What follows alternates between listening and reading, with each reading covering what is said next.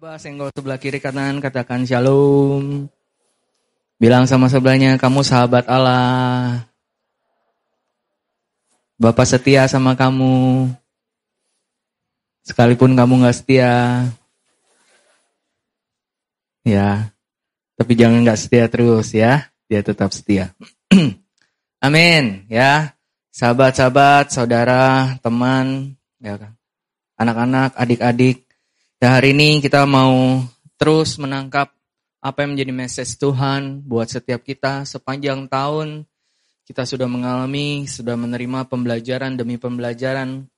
Yang kami doakan bukan hanya menjadi sebuah pengetahuan yang kognitif sifatnya cuma sekedar tahu uh, dan itu nggak ada relate di dalam hidup kita. Apalagi relate itu bukan hanya eh kok mirip eh kok nyantol tapi juga apa pengetahuan pembelajaran ini mengangkat hidupmu. Amin. Itu yang kami harapkan, itu yang kami doakan. Dan juga tentu itu adalah apa yang Bapak mau kerjakan dalam hidup kita. Ya, sebentar lagi kita akan tutup tahun ini. Sebenarnya pergantian tahun hanya pergantian angka. Tetapi ini momen yang baik untuk kita bisa melihat bahwa sepanjang tahun ini kasih setia Tuhan begitu nyata. Amin, teman-teman. Amin ya. Coba kalau kita lihat uh, awal tahun kita masih nggak jelas soal pandemi, tapi hari ini here we are, kita udah kumpul, uh, rasanya udah nggak ada pandemi, bisa ngeliat itu kebaikan Tuhan buat setiap kita juga, amin. Oke, okay, hari ini kita mau melanjutkan pembelajaran minggu lalu. Uh, sudah bagikan tentang apa? Enduring, endurance yang apa? In all season. Ya, di dalam setiap keadaan, teman-teman kita butuh clear seasons yang kita maksud itu bukan cara kerjanya nggak kayak kayak di dunia ini. Ya, kayak sekarang bulan November ber-ber-ber ini adalah musim hujan. Buat semua orang di wilayah sini semuanya ngalamin musim hujan, betul ya? Tapi ternyata musim kehidupan yang dimaksud buat setiap kita itu beda-beda. Betul ya? Bilang sebelahnya beda-beda. Kenapa? Pointer. Oke. Okay. Ya.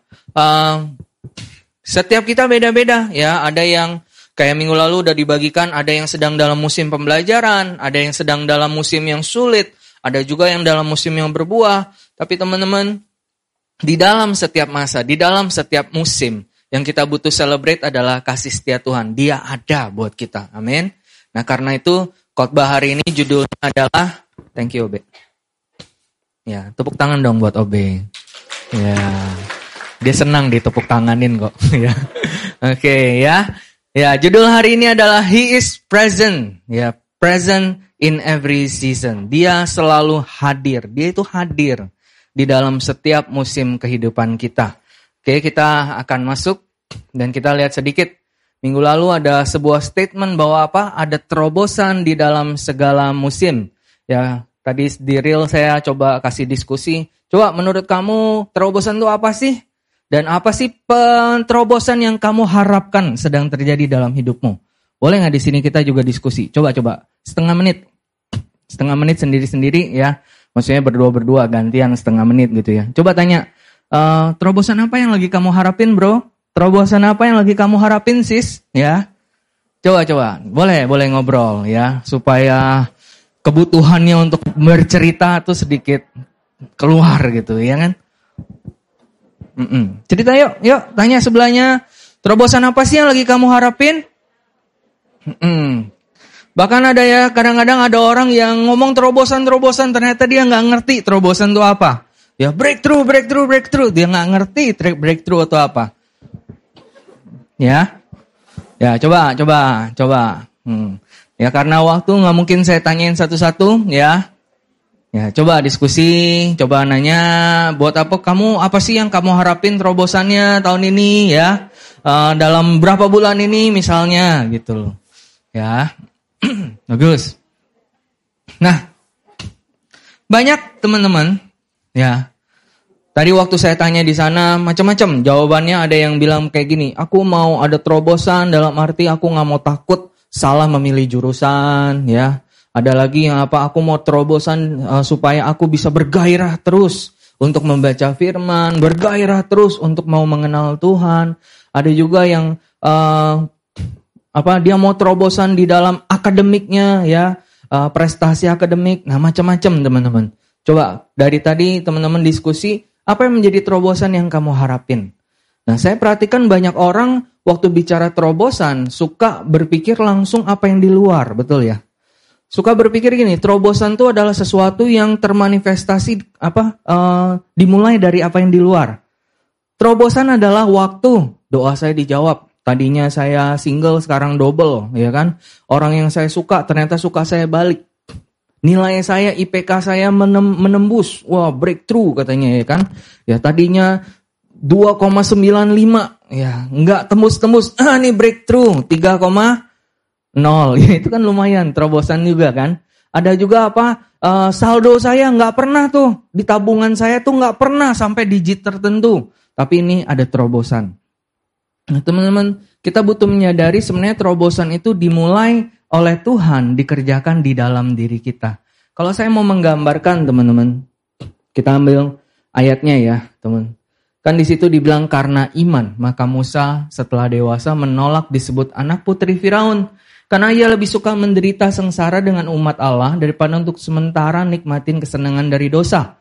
Ia menganggap penghinaan karena, karena Kristus sebagai kekayaan yang lebih besar daripada semua harta Mesir. Sebab pandangannya ia arahkan kepada upah. Karena iman, maka ia telah meninggalkan Mesir dengan tidak takut akan murka raja ia bertahan sama seperti ia melihat apa yang tidak kelihatan. Nah teman-teman kita mau ambil prinsipnya. Bahwa ternyata terobosan itu Allah kerjakan pertama-tama di dalam saya. Sehingga waktu di dalam saya ada iman, waktu saya melangkah itu terjadi terobosan. Kalau saya gambarkan seperti ini teman-teman, saya lebih suka pakai kata limit break. Siapa yang familiar dengan kata ini? Ya, yang suka main game biasanya limit break. Oh, keren tuh ya. Dulu saya main Final Fantasy 7, itu ada limit break. Ya, itu keren sekali ya. Nah, limit break itu gambarannya kayak gini, teman-teman. Seandainya coba bayangin, di depan saya ada sebuah layer, sebuah lapisan yang besar sekali menutupi kalian yang di belakang lapisan ini. Misalnya di sini ada tembok besar.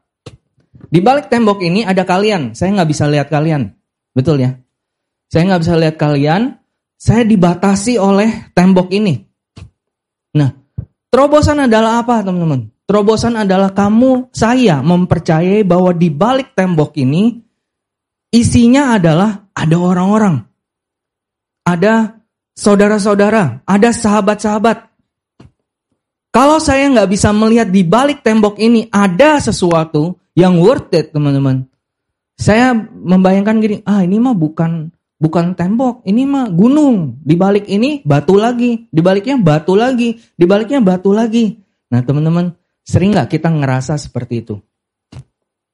Waktu kita menghadapi sebuah batasan, kita nggak bisa melihat melampaui batasan itu. Makanya teman-teman terobosan adalah sesuatu yang terjadi karena kamu melihat apa yang nggak kelihatan. Kamu mempercayai apa yang nggak kelihatan. Saya mempercayai di balik tembok ini ada orang-orang. Di balik tembok ini ada terobosan. Itu yang membuat saya apa? Karena iman, saya nggak berhenti. Amin ya teman-teman. Nah jadi hari ini karena iman. Karena iman. Kenapa di situ dibilang Musa bisa bertahan? Karena dia berjalan dengan iman. Karena iman. Nah banyak dari kita, kenapa dalam hidup kita nggak ada terobosan? Karena kita berjalan bukan karena iman. Kita berjalan karena apa? Karena takut. Karena khawatir. Karena pembuktian diri. Karena confident terhadap kekuatan kita. Kita berjalan karena apa? Karena harus jalan. Karena terpaksa. Kalau kamu dibatasi oleh apa yang kelihatan, teman-teman, kau nggak akan pernah mengalami terobosan. Engkau nggak akan mengalami kehidupan yang melampaui apa yang kelihatan itu. Amin ya. Ya, makanya di situ dibilang apa? Di situ Musa melihat apa yang tidak kelihatan. Dikatakan apa? Dia mengarahkan pandangannya kepada upah. Apa sih upahnya Musa? Ternyata upahnya Musa bukan apa, tapi siapa, betul ya? Looking unto Jesus. Ternyata upahnya Musa adalah pribadi Yesus sendiri. Teman-teman, kita berjalan seperti itu enggak? Saya melihat apa yang enggak kelihatan. Ya. Statementnya kan dibilang kayak gini.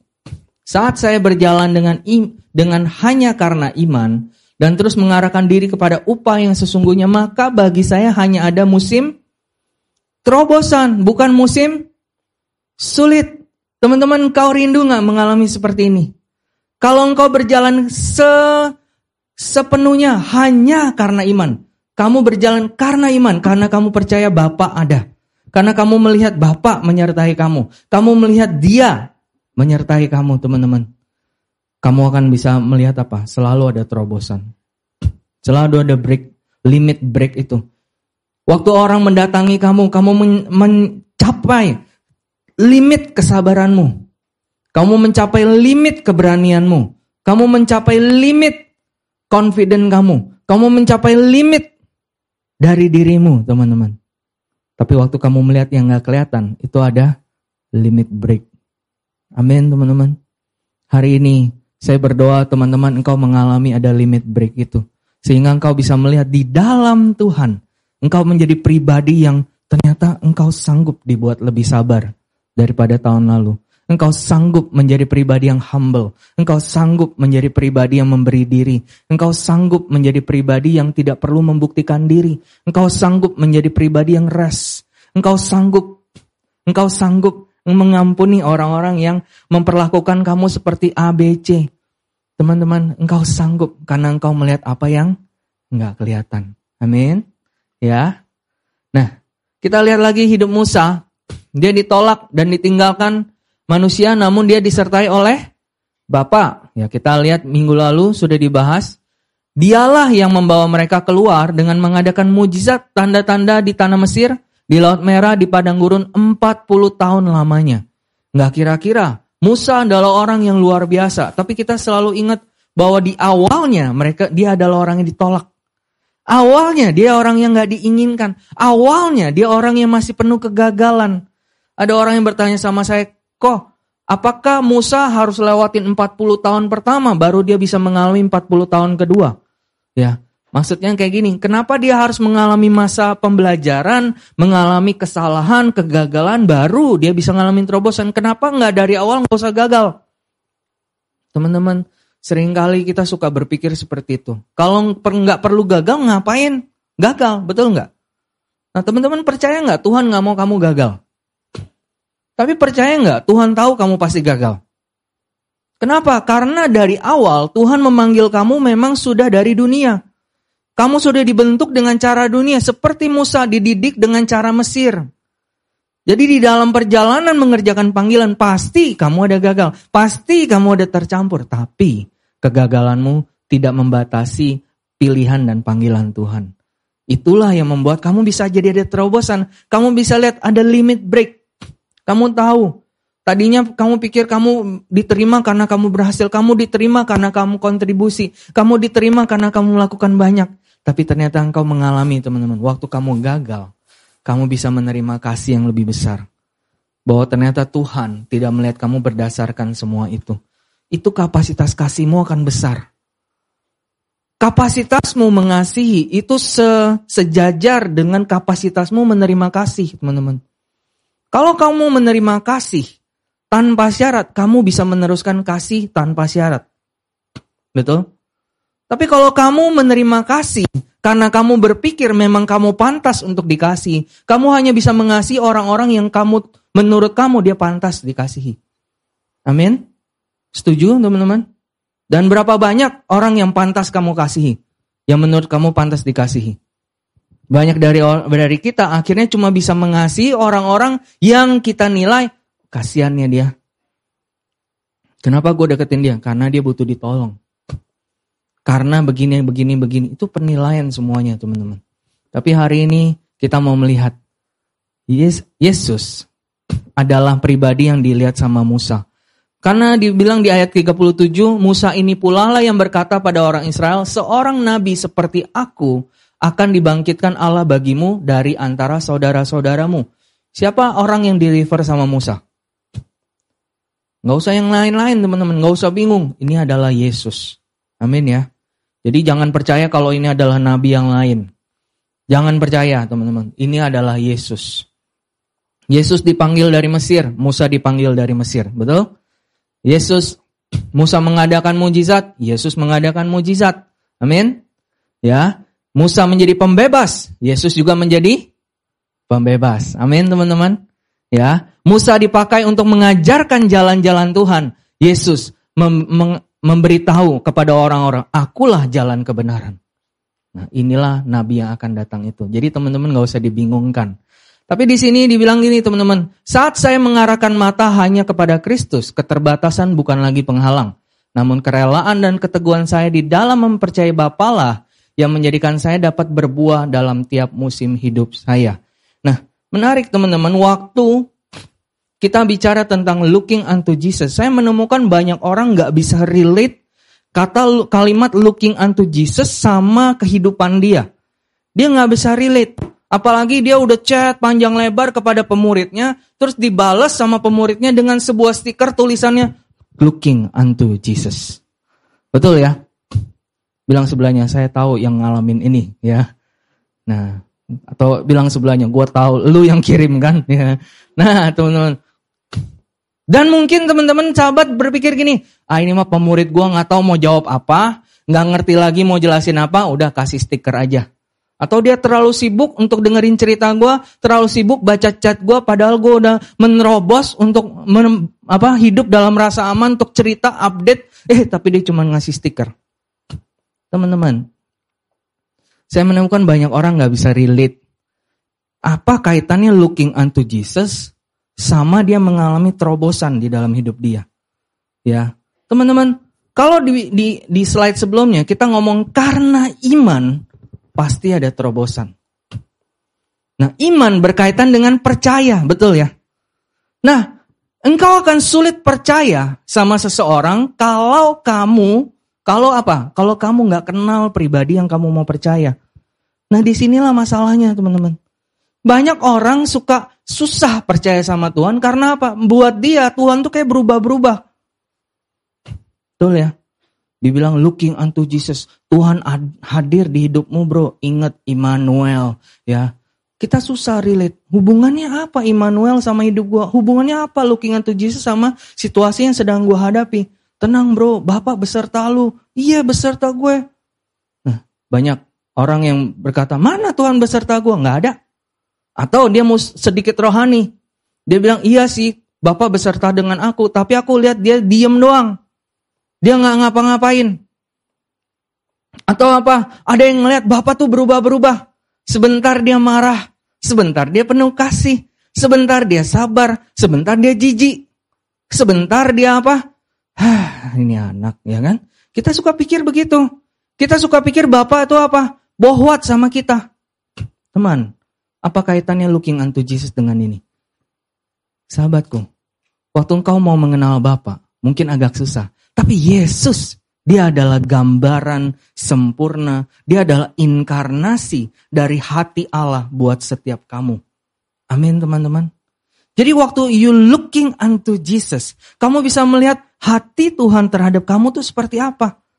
Ternyata Bapak nggak pernah menghakimi saya. Bapak waktu saya lemah, dia justru mengangkat saya. Waktu saya nggak ngerti, dia justru menghampiri saya. Waktu saya nggak mampu, dia justru apa? Berkorban buat saya. Waktu saya melihat looking unto Jesus, Yesus yang berkenan, Yesus yang taat, Yesus yang sudah menyelesaikan semua. Dia melakukannya bukan bukan sekedar untuk saya, dia melakukan ganti saya. Teman-teman, waktu kamu melihat betapa Yesus dikasih, betapa Yesus dibanggakan oleh Bapak, dan kamu dapat kebenaran seperti Yesus dikasih oleh Bapak, seperti Yesus disertai oleh Bapak, seperti Yesus doanya dijawab oleh Bapak demikianlah kamu. Teman-teman saya mau tanya, muncul iman nggak dalam hidupmu? Pasti muncul iman. Karena iman, maka engkau bisa ngalamin terobosan. Jadi teman-teman sekarang saya tanya, ada kaitan nggak waktu kamu dikirim stiker looking unto Jesus dengan situasi yang kamu sedang hadapi? Ada, sangat ada teman-teman. Ya, ada kaitan nggak? Kata ingat ya bro, Immanuel, Allah besertamu. Ada kaitannya. Amin. Nah, inilah masalahnya teman-teman. Berapa banyak anak Tuhan yang tidak teguh untuk percaya bahwa Bapak beserta dia. Secara kognitif kamu tahu, iyalah gue tahu Bapak beserta gue. Iyalah gue tahu lagunya ada lagi, bagus sih lagunya. Cuman gue nggak bisa relate. Immanuel, Immanuel, ah, Tuhan apa? Allah besertaku. Mana yang beserta gue? Yang beserta gue orang yang nuduh gue, yang beserta gue orang yang cuekin gue, yang beserta gue nggak ada, nggak ada. Kecuali nyamuk, kecoa dan cacing yang nggak kelihatan sama mata saya juga. Ya, teman-teman kalau kamu percaya ada kecoa, walaupun kamu nggak bisa lihat, kenapa kamu lebih susah percaya Tuhan ada sama kamu? Amin. Nah, kita mau lanjutin pembelajaran kita daripada ngomongin kecoa, ya. Kita ambil lagi dari kisah Musa, teman-teman. Bagaimana saya bisa teguh percaya bahwa Bapak ada dalam setiap musim hidup saya. Ya, ini kisah dari Keluaran 33. Kita nggak baca semua, agak lompat-lompat karena panjang, ya. Jadi kisah ini terjadinya kapan? Ini kisah setelah kejadian anak lembu emas. Teman-teman ingat anak lembu emas? Itu adalah waktu orang Israel mau ketemu sama Tuhan, Tuhan menjejakkan kaki, satu bangsa jutaan orang uh, melihat semak belukar yang terbakar, ya. Kalau Musa dulu kan cuma satu orang ngeliat satu semak dibakar, betul ya. Ini jutaan orang, jadi mau nggak mau satu gunung dibakar sama Tuhan, ya. Tapi apa? Orang Israel nggak mau, dia nggak mau. Udah, udah, udah. Jangan kami ngeliat Tuhan, nanti kami mati. Udah gini aja. Tuhan kasih tahu Musa apa yang harus kami lakukan, kami akan lakukan. Begitu mereka uh, berkata seperti itu, mereka turun gunung, mereka lihat Musa nggak nggak balik-balik, mereka udah bikin dosa langsung. Ya, mereka bikin anak lembu emas. Tuhan kasih tahu sama Musa, Musa, Musa, mus, mus, turun tuh. Bangsa yang lu pilih udah kayak keledai liar. Ya, wah, Musa marah ya.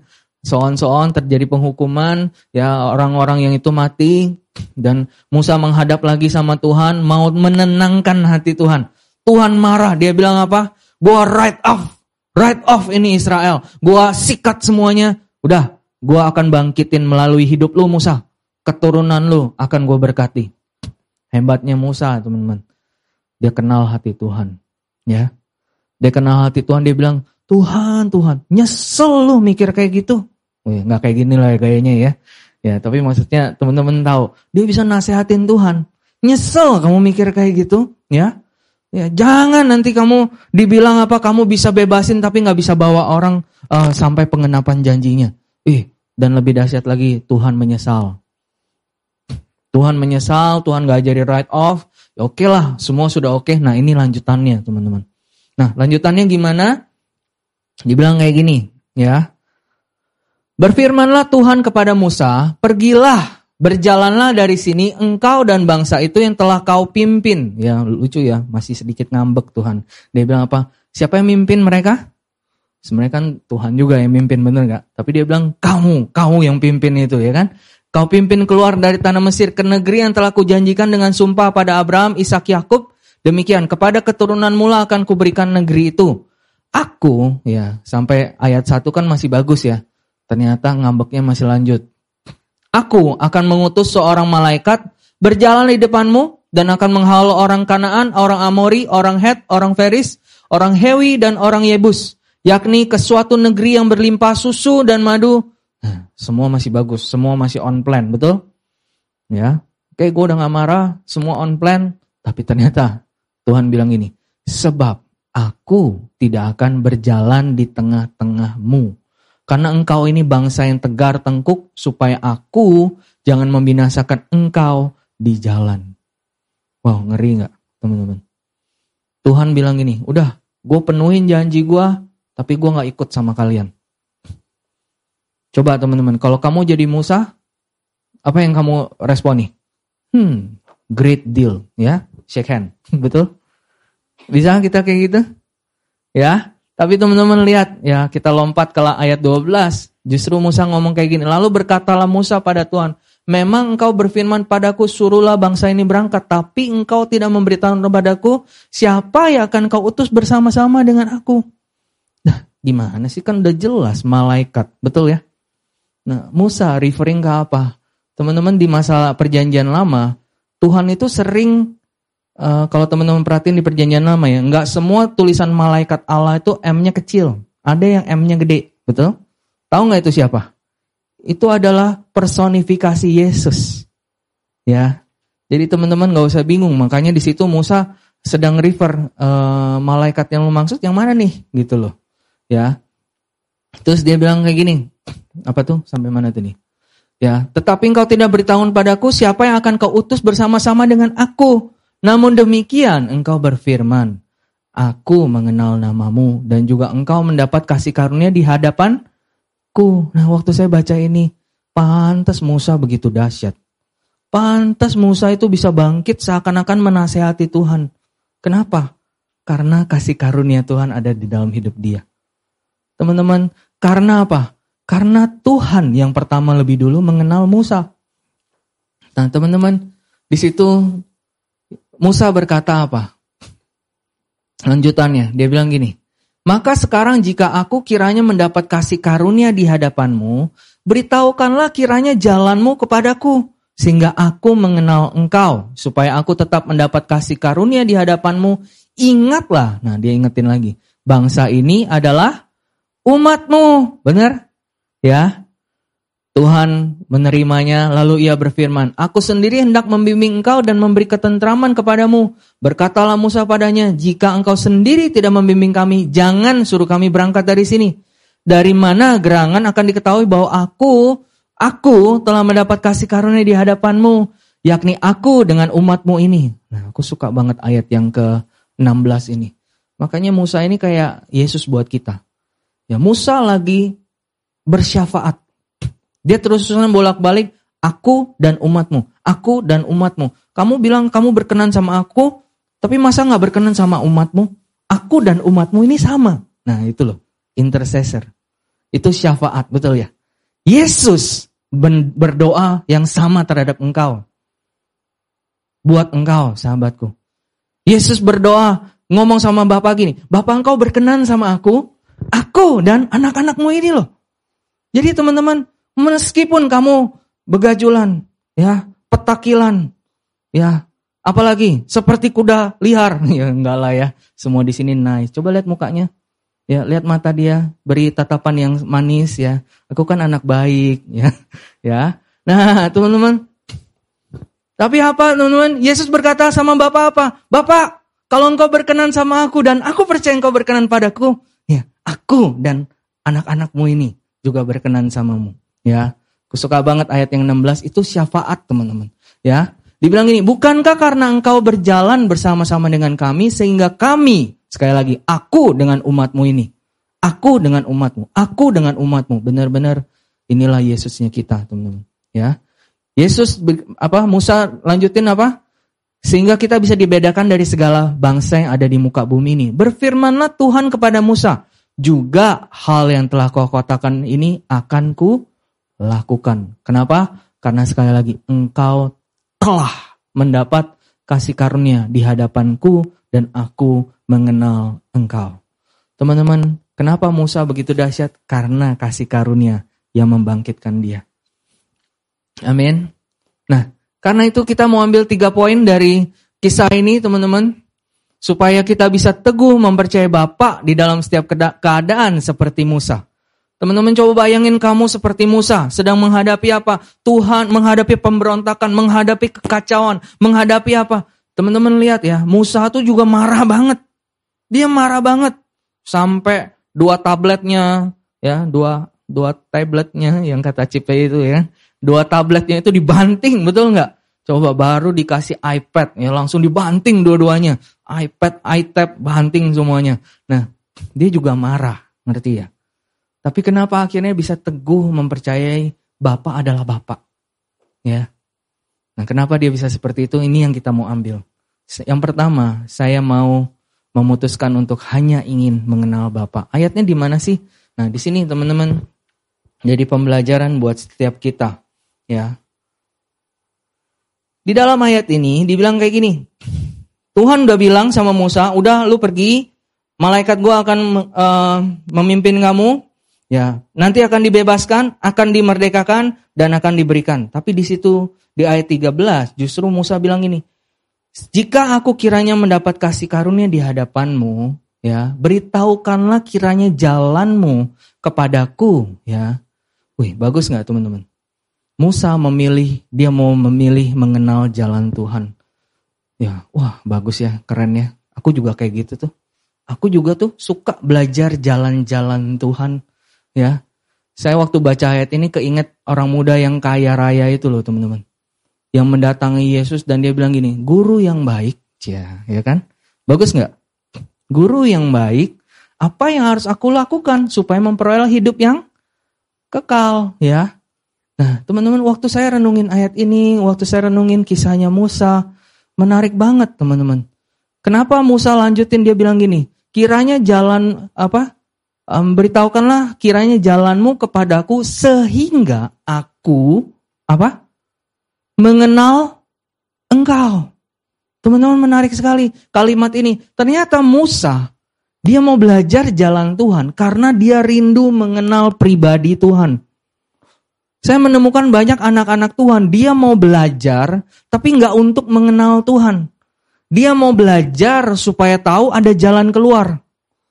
Dia mau belajar supaya dia bisa mengalami hidup yang lebih baik. Dia mau belajar supaya masalah di dalam kehidupannya selesai. Dia cuma minta nasihat. Betul?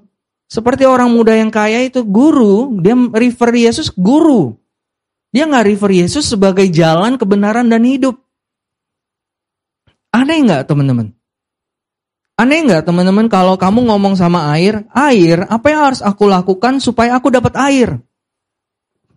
Nah ini yang si orang muda yang kaya itu ngomong ke Yesus.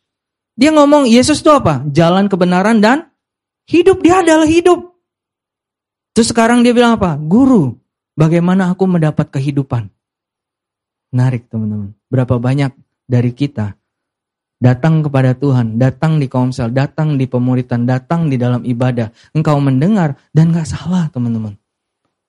Aku memberitakan gini bukan untuk, ih ini kok Alung nih selalu salah aja, selalu masih kurang. Enggak teman-teman. Justru inilah kesabaran Tuhan. Bahwa Bapak tahu dari awal kita masih tercampur. Dari awal kita masih ada unsur ego. Tetapi apa? Dia sabar terhadap kita. Dan dalam kesabaran dan kelembutan dia mengajari kita. Melalui kisah Musa kita jadi dapat teman-teman. Berapa banyak dari kita. Kita apa? Kita sebenarnya nggak rindu untuk mengenal pribadi Tuhan. Kita hanya mau tahu jalan-jalan Tuhan supaya apa? Supaya saya aman. Supaya masa depan saya terjamin. Supaya apa? Supaya ada ada ada apa? Ada penyertaan, supaya ada perlindungan. Teman-teman, apakah di dalam hati saya, saya memutuskan saya mau mengenal pribadi Tuhan. Berapa banyak dari kita, kita mengalami begitu banyak kebaikan dari Tuhan. Tapi kita nggak pernah sampai dan mengejar kepada hati Bapak yang baik itu buat kita. Saya melayani anak-anak muda, saya sering banget ketemu orang tua-orang tua yang apa, uh, saya suka denger their side of the story. Betul ya? Saya kalau dengerin anak-anak muda kan selalu ngomongnya ya orang tua nih nggak ngerti gua, nggak paham gua, ya nggak mau ini, nggak mau itu dan segala macam. Ya saya kan udah orang tua juga ya teman-teman ya. Jadi saya juga bisa paham. Kadang-kadang teman-teman betul orang tua ada batasan, tetapi ternyata teman-teman hati mereka juga adalah kasih. Nah ini aja orang tua yang terbatas, apalagi Bapak di surga. Berapa banyak waktu dia menyatakan kasih buat hidup kita, kita terima kebaikannya, tapi kita nggak pernah pengen tahu hati dari Bapak yang baik ini gitu. Men ya, teman-teman.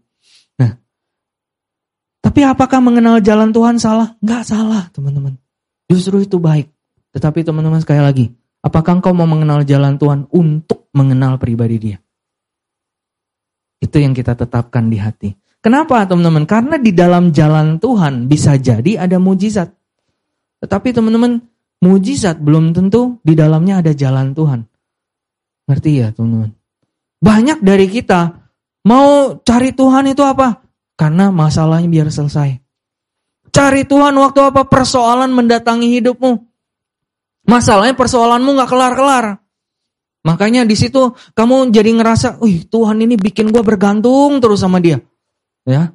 Nah ternyata terselip di dalam hatimu kamu mulai berpikir Tuhan ini nggak mau aku liar makanya dibuat masalah terus aku dijitak terus supaya aku datang terus sama dia. Bapak nggak seperti itu, sahabatku. Amin. No, dia nggak seperti itu. Ya, coba kalau kamu mau jujur dan kalau kamu mau dibukakan, teman-teman, banyak hal yang terjadi dalam hidupmu itu adalah faktor keputusanmu. Dan tapi sering kali banyak orang nggak merasa itu keputusan dia, itu keputusan orang. Gue cuman korban, bro. Bilang sebelahnya, kamu bukan korban.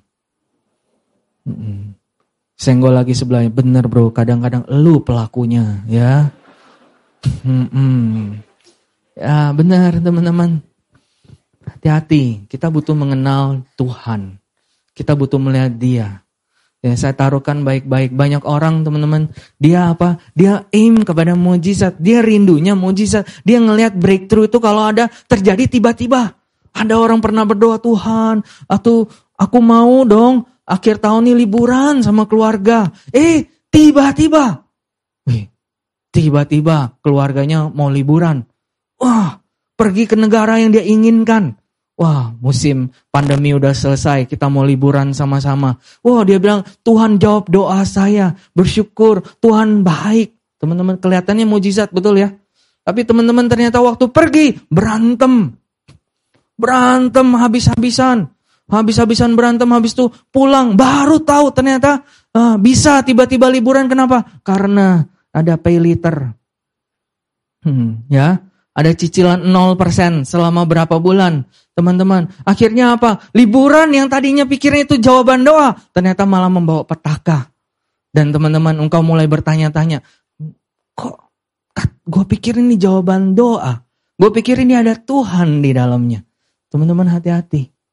Tapi bukan berarti juga kita sedang mengajarkan, udah lu gak usah harap-harap mujizat. Percaya aja sama Tuhan, terima aja lagi. Hmm? Lu dikasih roti, makan roti dengan bersyukur. Boleh ngasih dikit? Hmm? Udah rotinya juga lebih bagus lagi. Nah, nggak gitu juga. Karena teman-teman percaya nggak? Di dalam jalan Tuhan ada mujizat. Tapi belum tentu di dalam mujizat ada jalan Tuhan. Paham ini teman-teman? Ya. Di situ Musa memberi kita gambaran yang jelas teman-teman. Dia rindu mengenal jalan Tuhan. Dia rindu melihat perbuatan Tuhan ya. Perbuatan-perbuatan yang ajaib kepada Israel. Tapi aimnya adalah apa? Dia mau melihat. Dia mau mengenal hatinya Tuhan. Bukan apa? Berhenti kepada perbuatan-perbuatan Tuhan. Dia nggak berhenti kepada karyanya Tuhan. Tapi dia melihat hati dari Tuhan itu sendiri. Ya. Nah, kita sedikit maju. Tadi ada ayat yang dilongkap di dalam ayat yang 7, 9 dan 11. Di situ waktu Musa mendengar bahwa Tuhan mau utus malaikat, justru yang menjadi respon dia apa? Justru respon Musa adalah gini, sesudah itu Musa mengambil kemah dan membentangkannya di luar perkemahan, jauh dari perkemahan. Dan menamainya kemah pertemuan. Keren kan kasih namanya? Ya, kemah pertemuan. Setiap orang yang mencari Tuhan keluarlah ia pergi ke kemah pertemuan yang di luar perkemahan itu. Apabila Musa masuk dalam kemah itu, turunlah tiang awan dan berhenti di pintu kemah. Dan berbicaralah Tuhan dengan Musa di sana. Teman-teman, Musa tetap merindukan apa teman-teman? Untuk Tuhan ada di tengah bangsa ini. Bukan cuma ada, dia rindu Tuhan tetap berjumpa sama orang-orang Israel. Nah inilah yang menjadi kerinduan hati kita sahabatku. Waktu engkau mengenal Tuhan, engkau nggak akan berhenti kepada Tuhan menjawab doa saya. Engkau nggak akan berhenti kepada Tuhan um, membless saya berlimpah-limpah, ya tercurah berlimpah-limpah, ber apa? Ber, ya pokoknya gitulah ya teman-teman. Dulu ada lagunya apa sih itu? Ya ber, ya itulah ya, ya nggak tahu kalian nggak tahu lagunya itu agak jadul dan saya lupa karena mungkin jadul ya. Oke, okay, never mind ya. Berlimpah-limpah, selalu berpikirnya apa? Cuma berlimpah buat saya. Tapi teman-teman pengenalan yang benar harusnya membuat engkau engkau jadi kenal hati Tuhan. Terlalu besar hanya untuk dirimu. Amin teman-teman. His heart, his love is too big to be contained in your life alone. Teman-teman bisa paham ini nggak? Waktu kamu paham ini, kamu akan justru bersyukur waktu engkau meneruskan kasih itu kepada orang lain. Waktu saya meneruskan kasih ini kepada orang lain. Dan saya sering dengar dari sahabat-sahabat. Kolung, Tuhan begini, Tuhan begini, Tuhan begini, Tuhan begitu. Buat saya teman-teman. saya justru semakin berlimpah lagi. Saya melihat kebaikan Tuhan di dalam hidup orang itu. Dan saya justru sangat bersyukur. Dan di dalamnya saya mendapat pengenalan akan Tuhan. Saya nggak gini orang lain, ya. Orang lain ngalamin kebaikan Tuhan. Kok Tuhan baiknya sama dia? Sama gua kok enggak? Tuhan ini pilih kasih. Ya. Kemarin kita layanin ada camp sekolah, ya, campnya di sini, ya, sekolahnya pasti tahu sekolah apa, ya. Dia ada yang nanya gini, teman-teman, ada yang nanya, ada yang nanya gini, Kak, bukannya uh, saya sering bilang sama orang-orang, Bapak mengasihi kamu. Eh, saya dibales, Kak. Bapak mengasihi semua orang lagi. Saya bingung, Kak, jawabnya. Nah, ini pertanyaan yang tak terjawab kemarin, ya. Karena waktu, ya. Tapi saya jawab di sini. Semoga yang di sekolah itu mendengar, ya. ya. Teman-teman, Terus kenapa kalau Bapak mengasihi semua orang? Emang artinya kamu Bapak nggak mengasihi kamu? Kita ini terlalu distorted, kita ini terlalu corrupted sampai suka kita berpikir Bapak mengasihi saya kalau dia nggak mengasihi orang lain.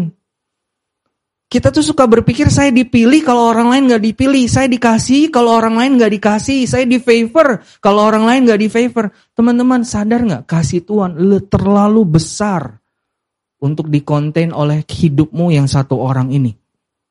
Paham teman-teman? Nah, kalau kita memahami ini, kita akan punya hati yang besar untuk apa teman-teman? Kita memberi ruang. Musa membentangkan kemah.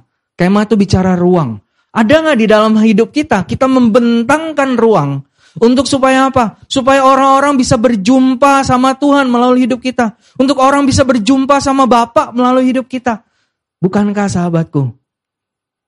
Inilah panggilan Tuhan itu bahwa kita adalah imamat yang rajani.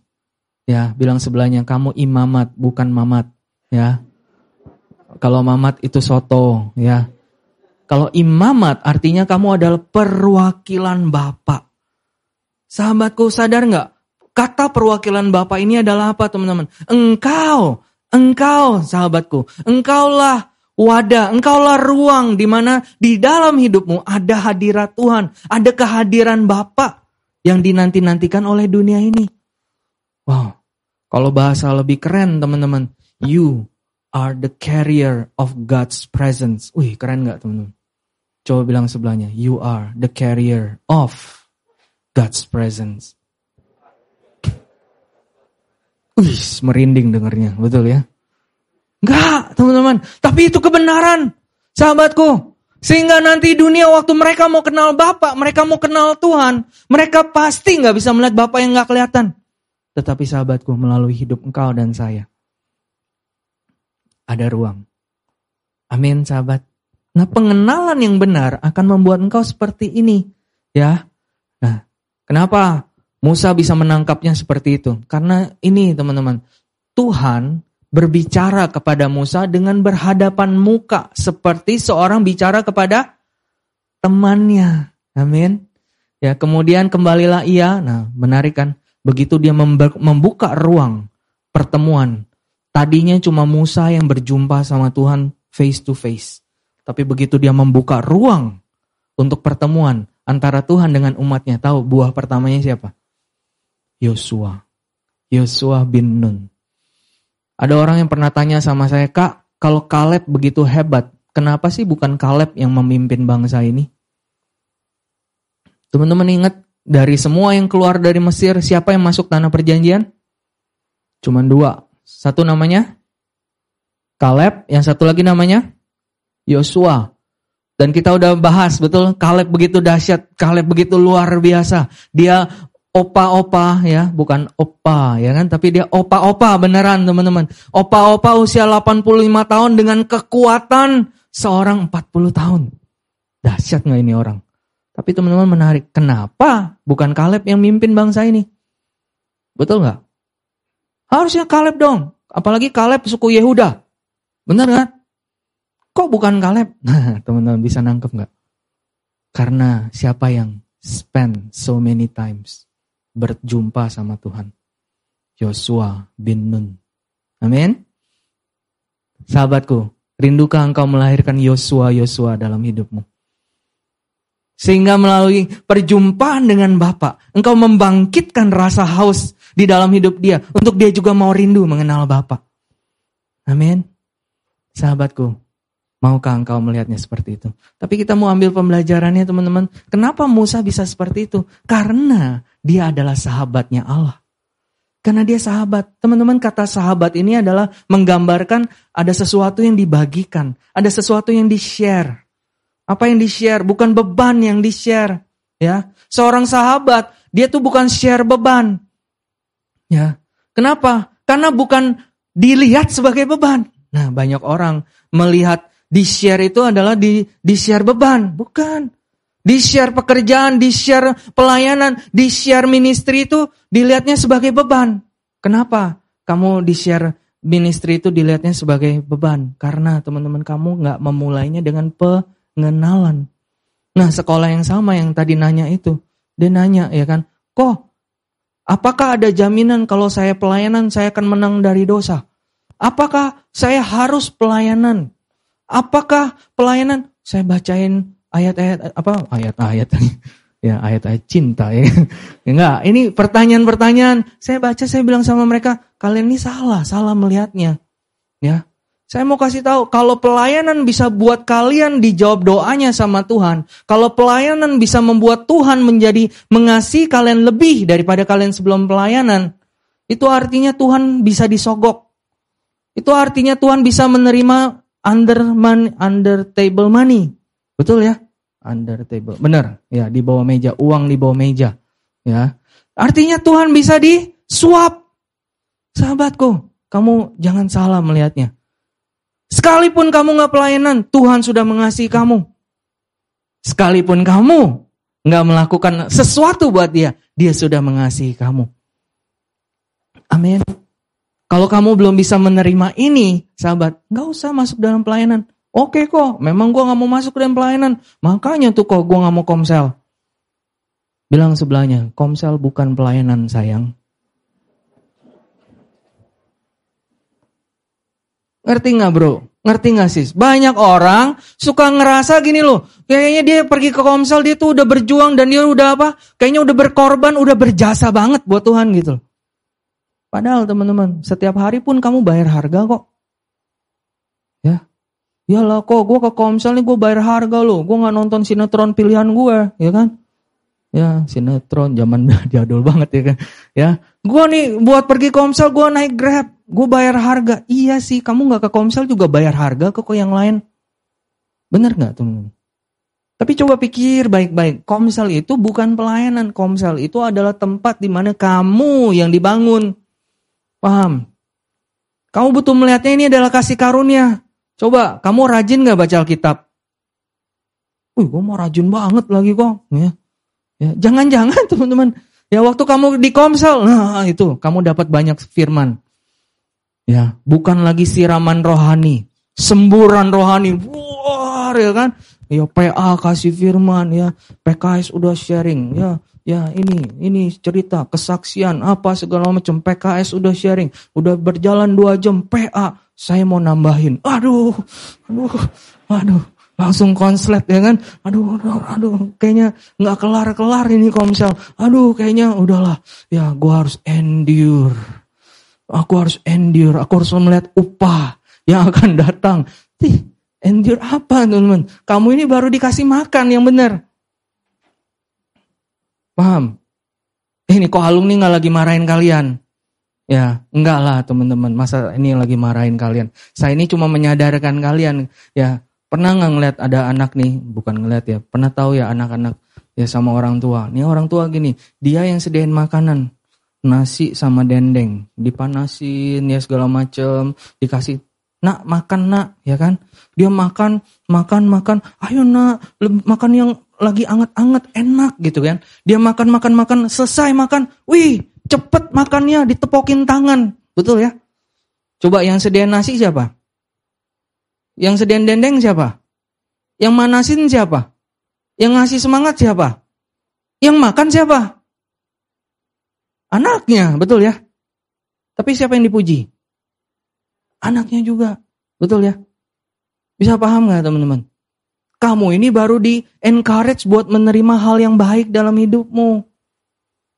Nah selama ini kenapa kamu ngelihatnya itu susah? Karena kamu terlalu biasa makan yang lain. Dulu zaman saya waktu masih kecil, saya suka makannya atau nggak apa teman-teman? Saya suka, suka makan itu, mie instan itu loh. Ya, Indomie. Pagi, siang, sore, malam. Padahal di rumah saya, mama tuh jualan catering. Ya, dia catering masakan, teman-teman. Dan setiap kali disajikan, nggak pernah kurang empat lauk di meja makan saya. Dahsyat nggak? Lauk pauk bukan cuma lauk doang. Tahu dan karena kita dari Chinese ya, Chinese Medan ya, selalu ada minimal dua jenis babi.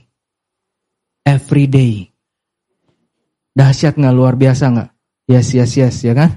Ya. Tapi lucunya saya lebih milih makan in Indomie. Tahu nggak the moment of revelationnya pertobatan saya kapan? Waktu saya ajak teman-teman datang ke rumah, mereka bilang gini, Lung, makanan mak lu itu lebih enak dari restoran. Saya baru, hah? Masa iya? Iya itu enak banget, lu tuh bersyukur banget. Aduh, gue tuh boleh nggak gue jadi anak mak lu? Ya. Gue bilang, ya enggak lah, ya kan? Ya. Betul ya? Tapi di situ saya baru dapat revelation. Ternyata yang disediakan buat hidup saya itu sangat enak dan sangat bermanfaat. Ya teman-teman. Semenjak itu saya mulai belajar makan ngohyong babi. ya kan? Di situ saya mulai belajar makan paikut babi. ya Babi semua. Ya memang kan udah dibilang dua babi betul. Ya, saya mulai makan kuah. Kuah itu. Kuah kaki babi. Saya mulai makan babi hong. Selama ini saya lihat babi hong, ya apa sih babi hong, ya kan? Babi hong. Enggak, enggak, enggak menarik. Ih, saya baru tahu. Enaknya banget. Ya. Amin. Ya, ini udah lapar ngomongin babi lagi. ya. You get the message, betul? Sahabat, jangan-jangan di komsel kamu disediain babi hong. Wih, babi hong, boro-boro babi hong. Itu babi hong, teman-teman. Ya, firman Tuhan kok dibilang babi hong sih kalau analogi. Ya, Jangan dibilang nanti dimasukin itu lagi, nanti dibilang pendeta sesat. Ya, bilang firman Tuhan tuh kayak babi hong. Enggak. Nah, teman-teman jangan ya. Analogi. You get the message right? Ya. Teman-teman komsel itu bukan pelayanan. Hmm. Nah banyak orang suka melihat gini, nih, nih sekarang masuk kepada pelayanan yang sebenarnya. Banyak orang, ya kalau Kak Kris, pemurid saya menaruhkan gini, ya kita ini dipercayakan ministry sebagai sahabat. Ya, bukan di-share beban, di-share ministry, di-share pelayanan, di-share pekerjaan bersama-sama. Tapi banyak orang tanpa pengenalan, dia merasa dia menerima misteri. Ya, ngerti ya? Dia menerima misteri, gue lakuin ini buat apa ya? Habis itu apa? Bukan cuma hidup dalam misteri, dia hidup dalam misery. Tahu misery? Hidupnya merasa jadi miserable. Ya, Makanya penuh dengan kesebalan. Sebel terus. Sebel terus. Makanya selalu ngeliat, kayaknya gue kalau ngelakuin pelayanan ini gue dibebanin. Kayaknya gue dikerjain, gue dirugiin. Ujungnya adalah apa? Gue ditinggalkan, gak dihargai. Sahabatku. Kalau engkau mengenal dia, dan kau mengenal dia sebagai sahabat, you will want to receive apa yang dia percayakan dalam hidupmu. Why? Because you know his heart toward you is good. Amin. Amin, sahabat. Ya. Poin kedua, ya. Kalau yang pertama tadi adalah mengenal Bapak, hanya ingin mengenal Bapak. Yang kedua adalah apa? Hanya ingin kehadiran Bapak. Hanya ingin ditemani sama Bapak. Kemarin saya gendong satu bayi, itu lucu sekali ya. Anak saya sekarang udah terlalu besar untuk saya gendong kayak gitu. Ya saya jadi kangen, namanya juga hati papa, betul ya. Ya saya gendong dia, oh saya sangat menikmati. Begitu ada bayi yang apa, kayak saya lepas dia, eh dia lari, dia bukan lari sih. Dia ngerangkak buru-buru pengen digendong lagi sama saya. Teman-teman, itulah hati kita sebagai anak semestinya kepada Bapak. Kita tuh nggak mau jauh-jauh dari dia kita tuh mau butuh sama dia. Betul ya? Nah inilah yang Musa lakukan teman-teman. Di ayat yang kita langsung ke 15. Berkatalah Musa kepadanya, jika engkau sendiri tidak membimbing kami, jangan suruh kami berangkat dari sini. If your presence does not go with us, don't bring us up from here. Dia lagi bilang gini sama Tuhan, Tuhan gua nggak mau cuman lu ngasih janji, gua nggak mau lu cuman ngasih, oke okay, gua kasih lu, ini ada deliverer, ada di dalam jalanmu, ya. Tapi gua nggak akan ikut, my presence will not go with you. Musa bilang nggak bisa, cannot. Kalau your presence doesn't go with us, don't bring us up from here. Jangan suruh kami pergi tanpa engkau ikut sama saya. Kenapa Musa bisa berkata seperti ini? Saya kita coba daratkan buat setiap hidup kita, teman-teman. Berapa banyak dari kita, kita waktu menerima janji, kita menerima firman Tuhan, menerima the word of God, apakah salah menerima rema? Enggak salah, teman-teman. Tapi kadang-kadang terselip di dalam kita. Akhirnya apa? Akhirnya, akhirnya, akhirnya gini. Kita ngerasa kita bisa kita bisa survive tanpa penyertaan dia. Kita nggak butuh Tuhan. Gue teguh bro. Gue gue mau, uh, gue pegang lah janji Tuhan. Hmm. I can do it with my own strength. Paham ya? Sehingga di dalam aplikasi kehidupannya teman-teman, nggak ada di dalam hati kita tuh sense of apa tuh? Bergantung sama dia. Sebuah kesadaran bahwa I need you Father. I need you God. I need you Father. Kata Father ini begitu luar biasa teman-teman.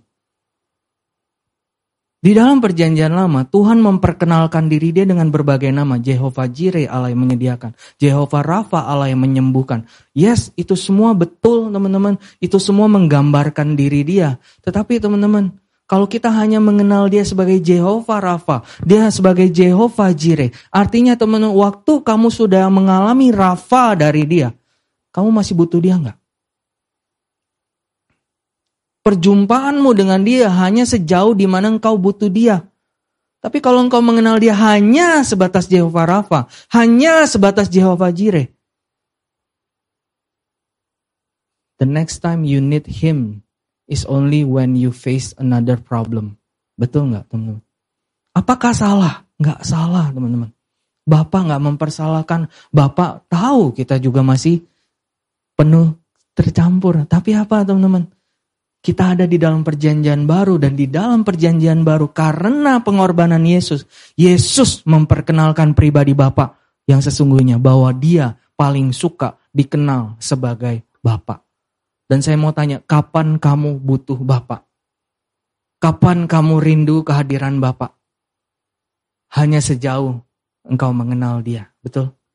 Kalau kamu nggak mengenal dia dengan dalam, kamu nggak suka keberadaan dia.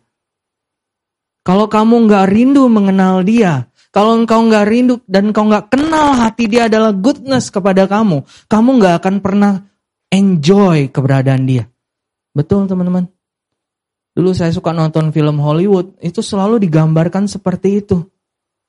Ya, bahkan ada meme, ada apa, ada video-video yang uh, apa tuh?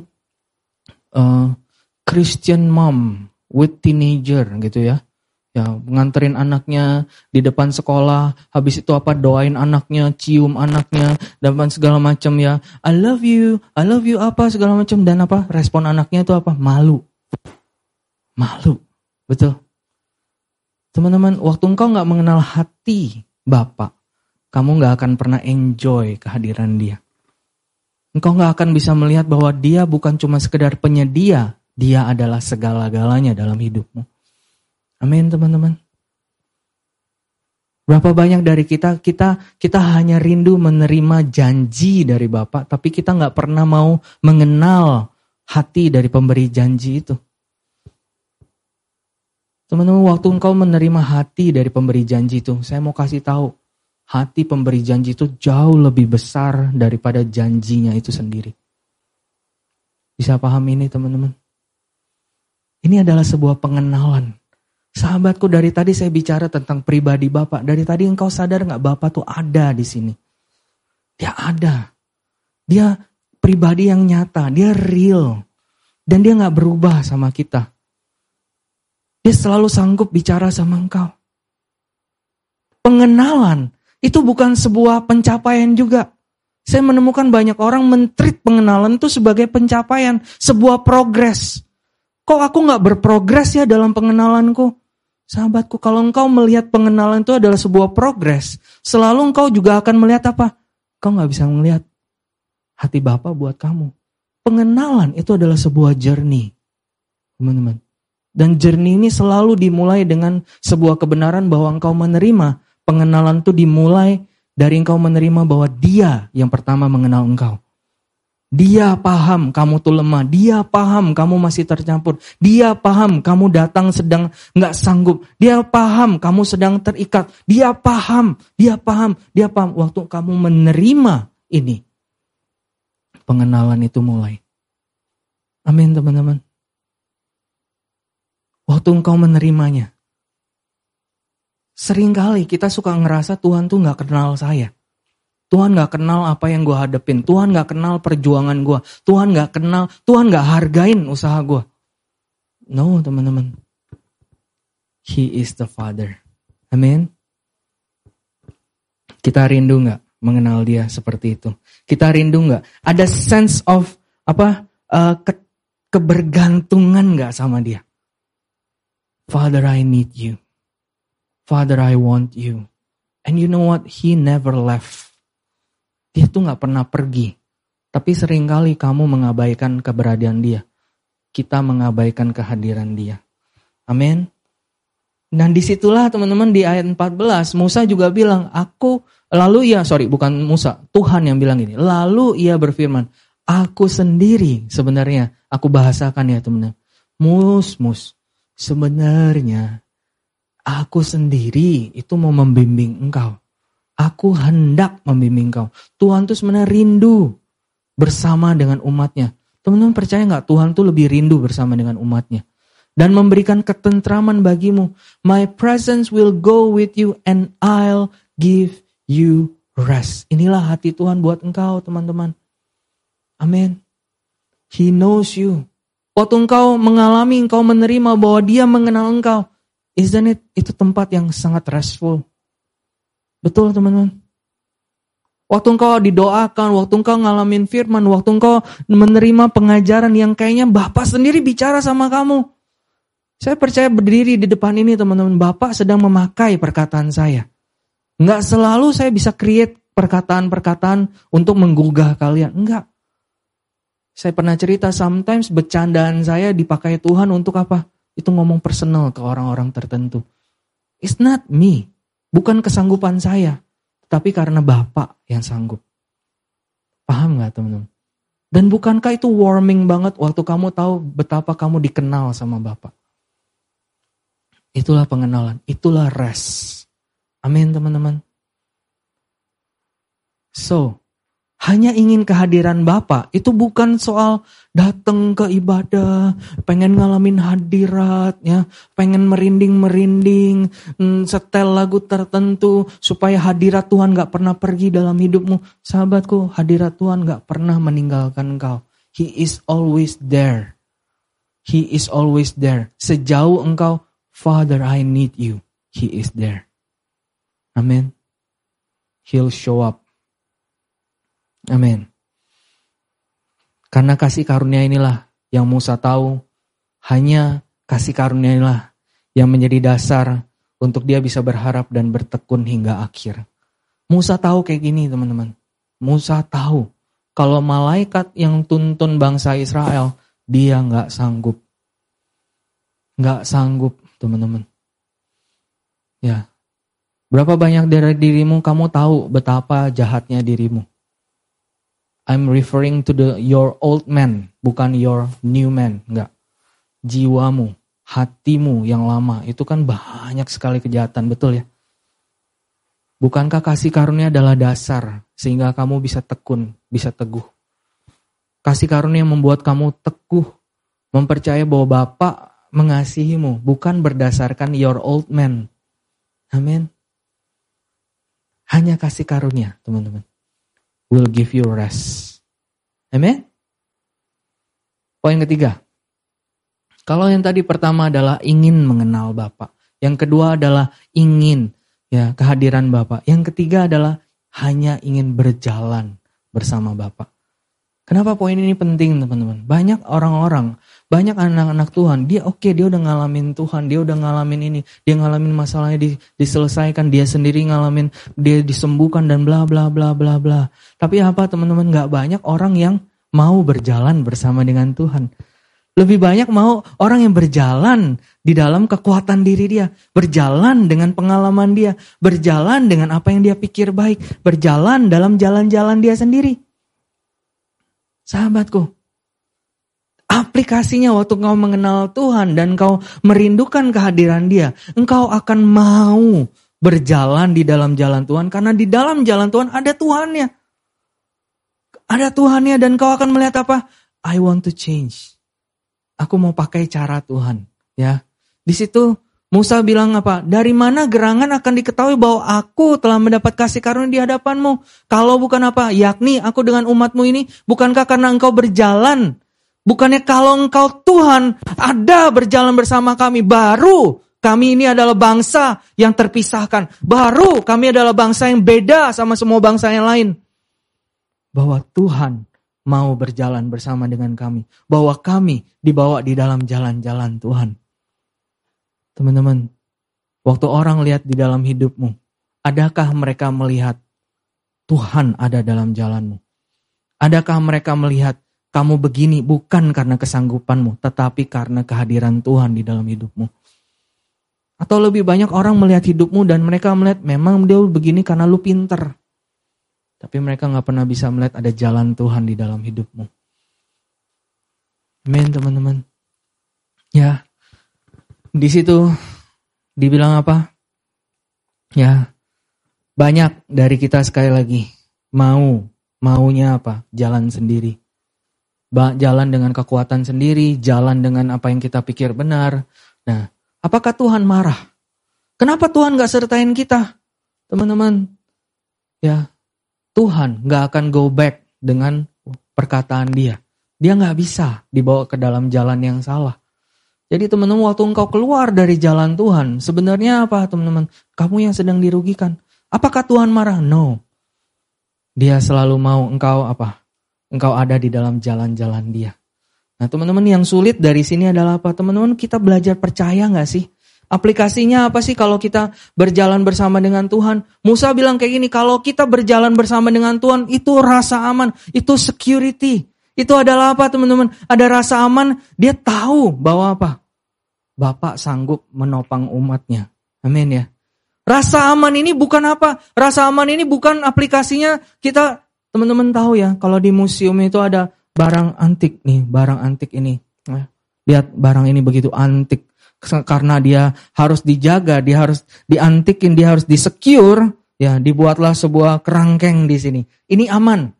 Benar? Apakah ini aman? Ya, bukan ini bukan aman, ini di karantina. Ini di diisolasi. Ya, tahu ya isolasi, bukan diisolasi tape gitu, bukan. Tapi ini apa? Di di dis apa nih sebutnya? Ya, pokoknya di exclude, betul? Nah, teman-teman banyak orang aplikasi waktu dia berjalan bersama Tuhan adalah apa? Ya, rasa amannya itu apa? Dia isolasi, karantina. Gue aman kalau gue sendiri. Gue aman. Gue aman waktu gue sendiri. Gue aman waktu nggak ada orang lain. Ya, kita mulai mengisolasi diri kita ya dari kebersamaan yang ada. Kita mulai apa? Mengkarantina diri kita supaya saya merasa aman. Teman-teman. Harusnya aplikasi rasa aman ini adalah apa? Waktu kamu tahu kamu berjalan dalam jalan-jalan Bapak, engkau akan punya rasa aman dan dimanifestasikan rasa aman ini bukan hanya sama Bapak, tetapi rasa aman ini terhadap manusia yang ada. Tapi banyak anak-anak Tuhan dia aman sama bapak, tapi sama manusia dia nggak aman. Ya, sehingga apa? Dia hanya melihat nggak ada, nggak ada kasih. Yang dia lihat tuntut tuntutan. Balik ke yang tadi, rasa amannya palsu, karantina, isolasi. Enggak, gue nggak karantina diri gue kok. Ada beberapa orang kok bersama dengan gue. Nah itu sama-sama karantina ramai-ramai. Betul ya? Karantina bikin grup eksklusif di situ, bikin apa? Grup tertentu, ya. Bikin, ah, cuman ini doang bro, nggak boleh yang lain. Kenapa? Karena udah dapat banget hubungannya. ya. Dan lama-lama teman-teman di dalam banyak itu ya, lu lihat gua, gua lihat lu. Apa yang terjadi di situ rasa amannya itu saling menuntut, saling saling apa? Saling saling saling menjatuhkan.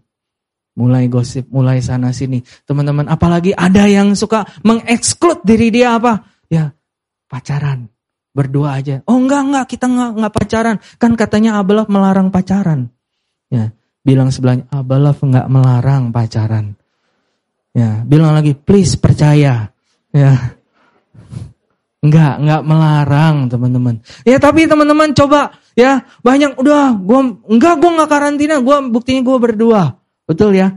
Berdua di bawah pohon jambu. Ya sekarang mah udah nggak zamannya gitu ya. Berdua di dalam mobil gelap-gelap. Saya mau kasih tahu di dalam nama Yesus. Wih, pakai di dalam nama Yesus lagi. Sahabatku, terimalah hati Bapak ini. Ya, don't. Saya sudah melayani begitu banyak anak muda. Paling sering jatuh.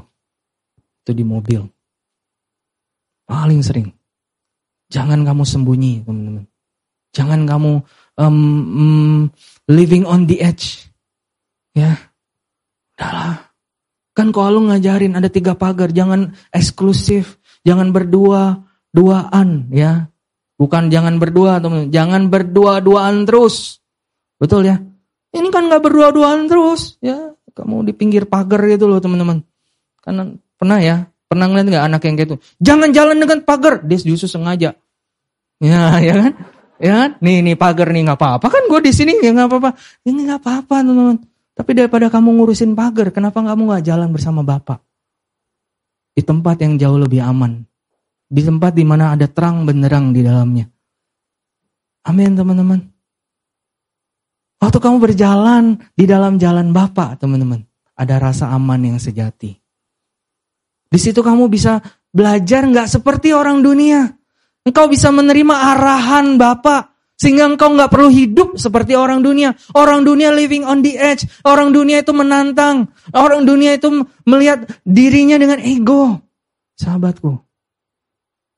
Waktu engkau menerima arahan dari Bapak. Engkau bisa percaya hati dia. Apakah arahan yang saya maksudkan ini hanya pemurid? Bukan teman-teman, bukan hanya itu.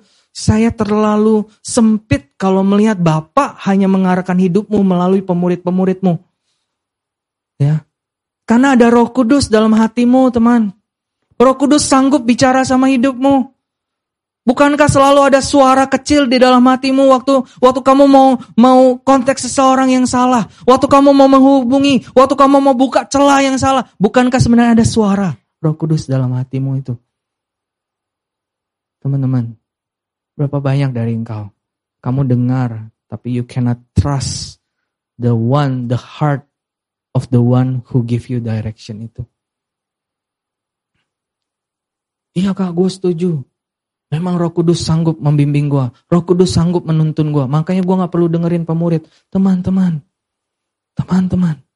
Kalau pemuridmu yang kelihatan memberi arah buat hidupmu. Itu aja kamu suka nerabas. Gimana coba kamu responin yang gak kelihatan? Ya. Teman-teman, coba waktu kamu, saya melihat begitu banyak teman-teman. Waktu saya mengarahkan hidup banyak orang. Saya melihat ada orang ya, bro kamu begini aja. Wih besok sudah dilakukan semuanya. Ya, luar biasa sekali teman-teman. Dia cepat sekali. Saya bisa melihat teman-teman bagaimana orang meresponi arahan itu macam-macam. Ya, tanpa sadar sebenarnya dia menerima arahan itu sebagai tuntutan. Dia menerimanya sebagai sebagai siap laksanakan bro. Hmm, sebenarnya bukan bro sih, sir. Ya, Sir Alung. Ya, ya. Emang gue guru TB, Sir Alung ya kan? Ya, siap laksanakan. Teman-teman, kamu nggak bisa melihat hati dari orang yang memberikan arahan itu adalah hati yang care sama kamu. Hati yang mengarahkan kamu untuk hal yang berguna buat hidupmu. Iyalah kak, makanya gue lakuin. Teman-teman, terima dulu hatinya. Ya, saya menemukan banyak orang di lu, dia cepet banget lakukan apa yang di luar. Paham ya teman-teman? Di luarnya dia cepet-cepet banget. Ya, sampai saya, eh, eh kok udah dilakukan gitu kan. Tapi waktu saya lihat di dalamnya, hmm, banyak banget yang kacau.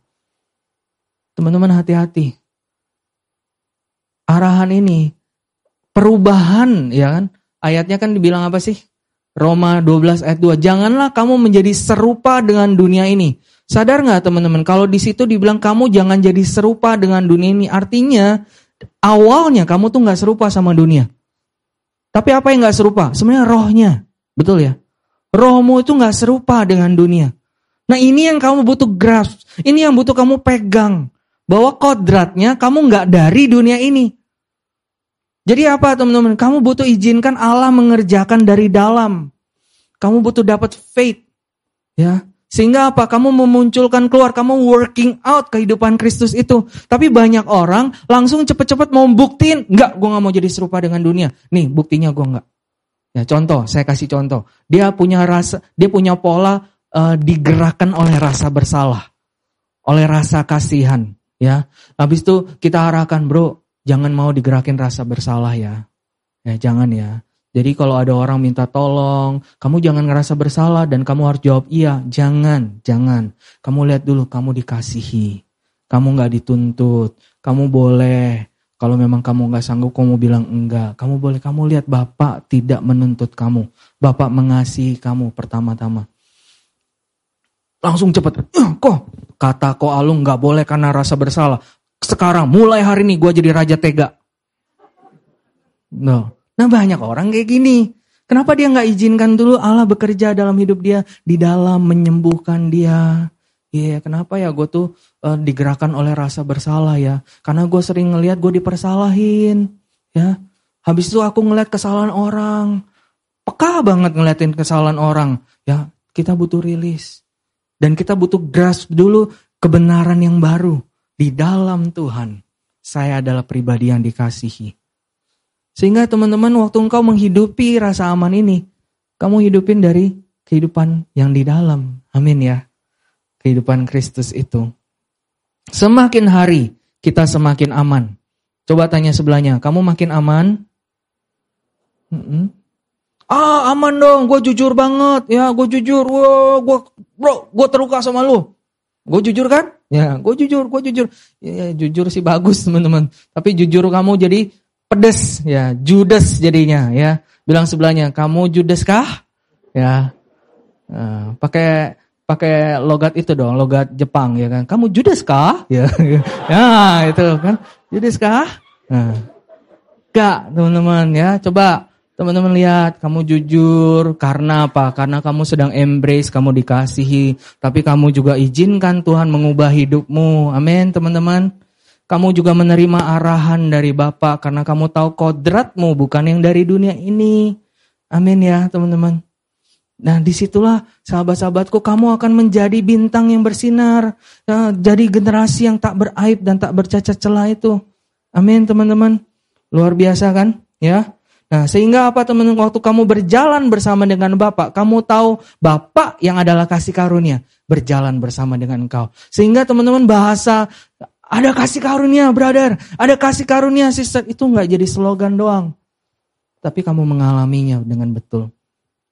Di dalam perjalanan, begitu kamu ditantang, kamu lihat nggak, Bapak ada bersamamu, ada kasih karunia.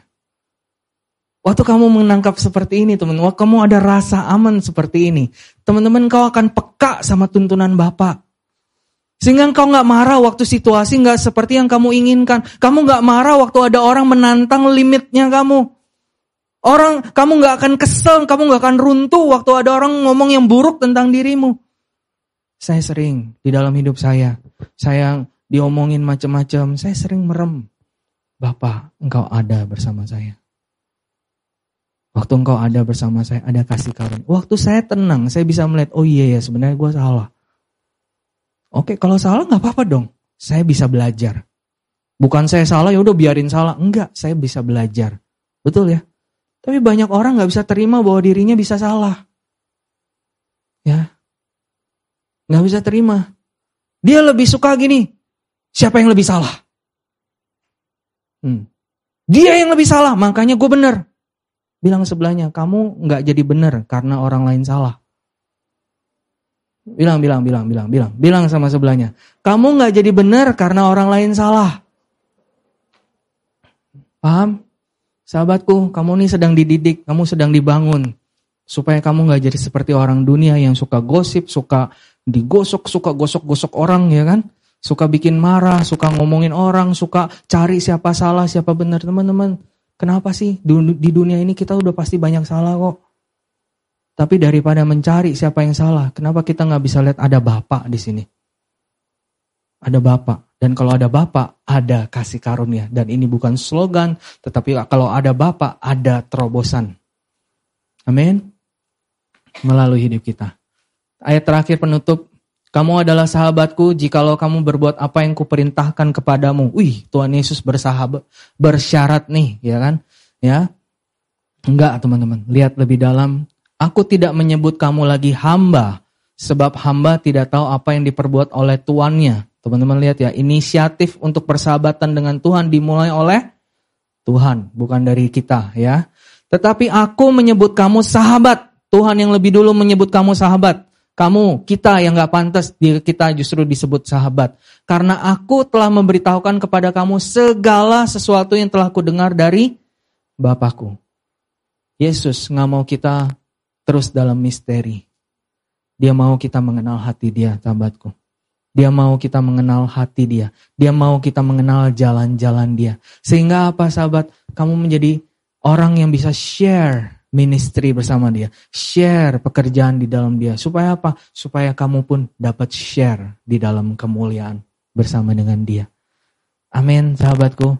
Untuk menggenapi perintah Yesus dan meneruskan warisan kerajaan Allah pada bangsa-bangsa, saya mau terus mengenal dan menerima kehadiran Bapa di hidup saya, hingga keteguhan saya adalah berjalan dengan Bapa, bukan dengan yang lain. Apalagi dengan Bapa yang lain. Siapa Bapa yang lain itu? Yesus berkata cuman pilihannya cuma dua. Satu Bapa di surga, satu lagi Bapa segala penipu. Teman-teman jangan mau. Kamu punya hanya satu Bapak dan Bapak itu tidak lagi marah sama hidupmu. Dia Bapak yang mengasihimu dan dia Bapak yang siap mengangkat hidupmu. Amin. Mari kita bangkit berdiri, kita berdoa.